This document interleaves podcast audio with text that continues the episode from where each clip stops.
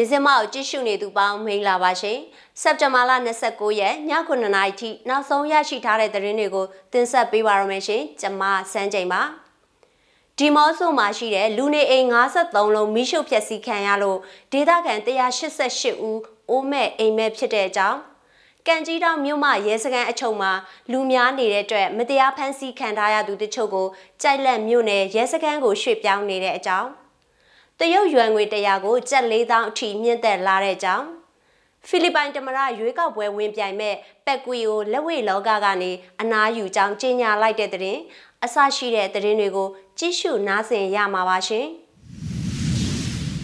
ပထမဆုံးသတင်းကတော့ကရားကရင်ပြည်နယ်ဒီမော့ဆုံမြို့မှာရှိတဲ့လူနေအိမ်53လုံးမိရှုဖျက်ဆီးခံရလို့ဒေသခံ188ဦးအိုးမဲ့အိမ်မဲ့ဖြစ်ခဲ့ရတယ်လို့ပြည်သူ့ကာကွယ်ရေးတပ်ဖွဲ့ဒီမော့ဆို DMO PDF ကဒီနေ့စက်တင်ဘာ29ရက်မှာထုတ်ပြန်ပါတယ်။စက်တင်ဘာလ25နဲ့26ရက်မှာဒေသခံ188ဦးနေထိုင်တဲ့နေအိမ်ပေါင်း53လုံးကိုစစ်ကောင်စီတပ်ဖွဲ့ကမီးရှို့ဖျက်ဆီးခဲ့တာဖြစ်ပါတယ်။မီးရှို့ဖျက်ဆီးခံရတဲ့နေအိမ်တွေမှာဆန်ဆက်ဂိုဒေါင်ဈေးဆိုင်တွေပါဝင်ပြီးအိမ်တွေမှာနှစ်ထပ်တိုက် တိုက်ပူပြင်ကားတွေဖြစ်ပြီးတော့နှစ်ရက်အတွင်းအကြမ်းဖက်စစ်ကောင်စီတပ်တွေရဲ့မီးရှို့ဖျက်ဆီးခြင်းခံခဲ့ရတာဖြစ်ပါတယ်။ဒီမော့ဆိုမှာတိုက်ပွဲတွေပြင်းထန်နေတဲ့ညတိုင်းလိုလိုလဲလွိုက်ကော်ဘက်ကနေဒီမော့ဆိုဘက်ကိုလက်နက်ကြီးတွေနဲ့ပစ်ခတ်နေတဲ့တိုက်ပွဲပြင်းထန်ရင်ပြင်းထန်တဲ့ပေါ်မူတည်ပြီးလက်နက်ကြီးနဲ့အဆက်မပြတ်အကြိမ်ပေါင်းမနေပစ်နေတာလို့ဒေသခံတအူးကမြစ်စမကိုပြောပါတယ်။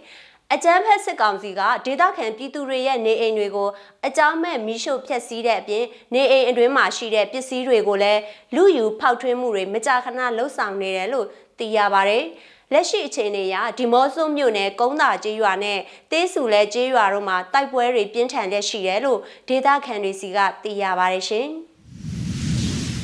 နောက်ထပ်သတင်းကတော့ အေယဝတီတိုင်းကံကြီးတောင်မြို့မှာအကြမ်းဖက်စစ်ကောင်စီကအာနာသိန်းယူပြီးနောက်ပိုင်းဖမ်းဆီးခံထားရသူတွေများပြားလာတဲ့အတွက်ကံကြီးတောင်မြို့မှာရဲစခန်းအချုပ်ကကြိုက်လက်နယ်မြေရဲစခန်းအချုပ်ကိုဖမ်းဆီးသူတွေထဲကနေတချို့ကိုရွှေ့ပြောင်းနေတယ်လို့သိရပါဗျ။ စစ်အာဏာရှင်ကိုစန့်ကျင်လို့ဖမ်းဆီးခံရသူတွေ PDF လို့ဆွဆွဲပြီးဖမ်းဆီးခံရသူတွေ PDF တွေကိုထောက်ပံ့နေတယ်လို့ဆွဆွဲပြီးဖမ်းဆီးခံရသူတွေပြင်ကံကြီးတောင်မြို့ပေါ်နေရဲသတင်းပေးဒလန်မောင်မြင့်အသက်ခံရမှုနဲ့ပတ်သက်ပြီးမတရားဆွဆွဲဖမ်းဆီးခံထားရသူတွေများပြားလာတဲ့အတွက်ရွှေ့ပြောင်းထားနေတယ်လို့ရဲအတိုင်းဝိုင်းနဲ့နှိဆက်သူတဦးကပြောပါရယ်။ ကံကြီးတောင်ရဲစခန်းအချုပ်မှာလူမဆန်းတော့လို့ကံကြီးတောင်အပိုင်တဲကရဲအင်အား15ရောက်လောက်ရှိတဲ့ကြိုက်လက်နယ်မြေစခန်းအချုပ်ကိုကြံခဲ့တဲ့တပတ်လောက်ကရွှေ့ထားတာလို့ပြောတယ်။အဖမ်းခံထားရတဲ့လူတွေကလည်းကံကြီးတောင်မှာအေးအေးဆေးဆေးနေတဲ့သူတွေပါမတရားဆွဆွဲပြီးဖမ်းထားတာလို့ဒေသခံတဦးကပြောပါရယ်။ ကံကြီးတောင်မြို့နယ်မိသက်ရုံဘေးကအဆောက်အဦတစ်ခုမှာတပ်ဆွဲထားတဲ့စစ်သားအင်အား20ဝန်းကျင်ကမြို့ပေါ်ရက်ွက်တွေကိုညပိုင်းချိန်အဆင်းစစ်ဆေးတာလက်နက်အင်အားတွေနဲ့ကင်းလှည့်တာတွေကိုဆက်လက်ပြုလုပ်နေတယ်လို့သိရပြီးကံကြီးတောင်မြို့နယ်အတွင်းဖမ်းဆီးခံထားရသူ30နီးပါးထိရှိလာပြီလို့သိရပါတယ်ရှင်။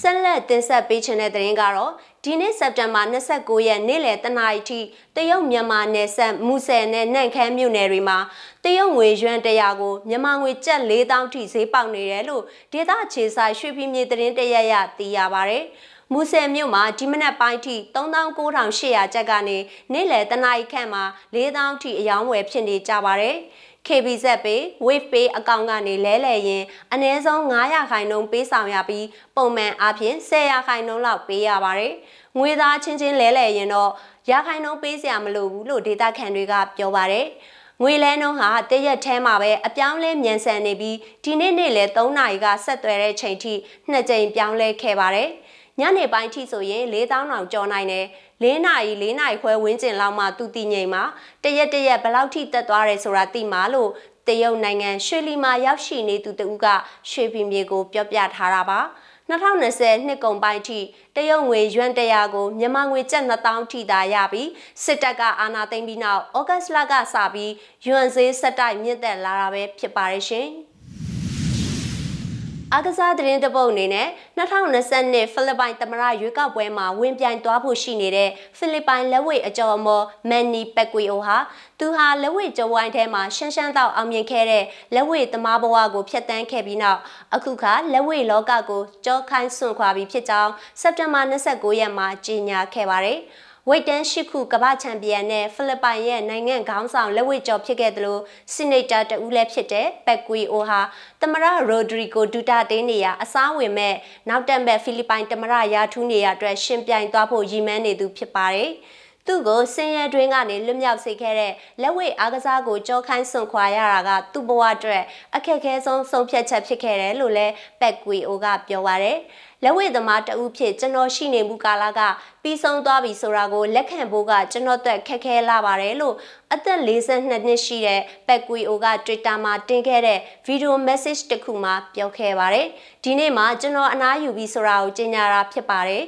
လက်ဝဲလောကရဲ့သာဝရအကောင်းဆုံးကစားသမားတွေအင်တန်တက်ဦးအဖြစ်ရှုမြင်ခံရတဲ့ပက်ကွီအိုဟာဒီမတိုင်မီပြီးခဲ့တဲ့သတင်းပတ်တွေအကြာက Las Vegas မှာကျူဘာလက်ဝဲသမားယော်ဒန်နဲ့ဥဂတ်စ်နဲ့ရှင်ပြိုင်ထိုးသက်ခဲ့တဲ့ပွဲစဉ်မှာရှုံးနိမ့်ခဲ့ပြီးအဲ့ဒီပွဲစဉ်ဟာသူ့ရဲ့နောက်ဆုံးသော professional လက်ဝဲပွဲစဉ်ဖြစ်ခဲ့ပြီးဖြစ်ပါတယ်။ 2010ပြည့်နှစ်ကအောက်လွတ်တော်အမတ်တဦးဖြစ်နိုင်ငံရေးလောကထဲဝင်ရောက်ခဲ့ပြီးအဲ့ဒီနောက်စီနိတာအဖြစ်ရွေးကောက်ခံထားခဲ့ရတဲ့ပက်ကွီအိုကပြီးခဲ့တဲ့ပတ်ကသူဟာနိုင်ငံရဲ့အမြင့်ဆုံးရာထူးအတွက်ဝင်ရောက်ရှင်ပြိုင်သွားတော့မယ်လို့ပြောခဲ့ပါတယ်။ကလေး၅ဦးဖခင်အိမ်ထောင်နယ်ဖြစ်တဲ့ပက်ကွီအိုကသူ့အနေနဲ့ကဘာတဝင်းကအားပေးသူပြိသက်တန်းချီကိုကျေးဇူးတင်ကြောင်းပြောခဲ့သလို သူနဲ့ကာလာကြာလက်သွဲခဲ့တဲ့ trainer Freddy Roach ကိုလည်းအထူးတလဲဂုဏ်ပြုခဲ့ပြီး Freddy ဟာသူ့ရဲ့မိသားစုညီအကိုဒါမှမဟုတ်မိတ်ဆွေတဦးဖြစ်ကြောင်းပက်ကွီအိုကပြောခဲ့ပါတယ်။ professional လက်ဝဲသမားတဦးဖြစ်26နှစ်ကြာဖြတ်သန်းပြီးတဲ့နောက်မှာပက်ကွီအိုဟာ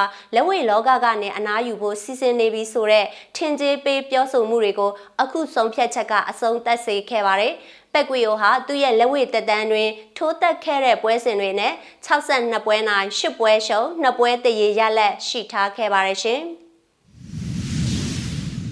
မြစည်းမရဲ့စက်တင်ဘာ29ရက်ည9:00နာရီထိနောက်ဆုံးရရှိထားတဲ့သတင်းတွေကိုတင်ဆက်ပေးခဲ့တာပါကြည့်ရှုအားပေးတဲ့အတွက်ကျေးဇူးထူးတင်ရှိပါတယ်မြမပြည်သူတွေဘေးရန်နယ်ပေါင်းကကင်းဝေးကြပါစေရှင်။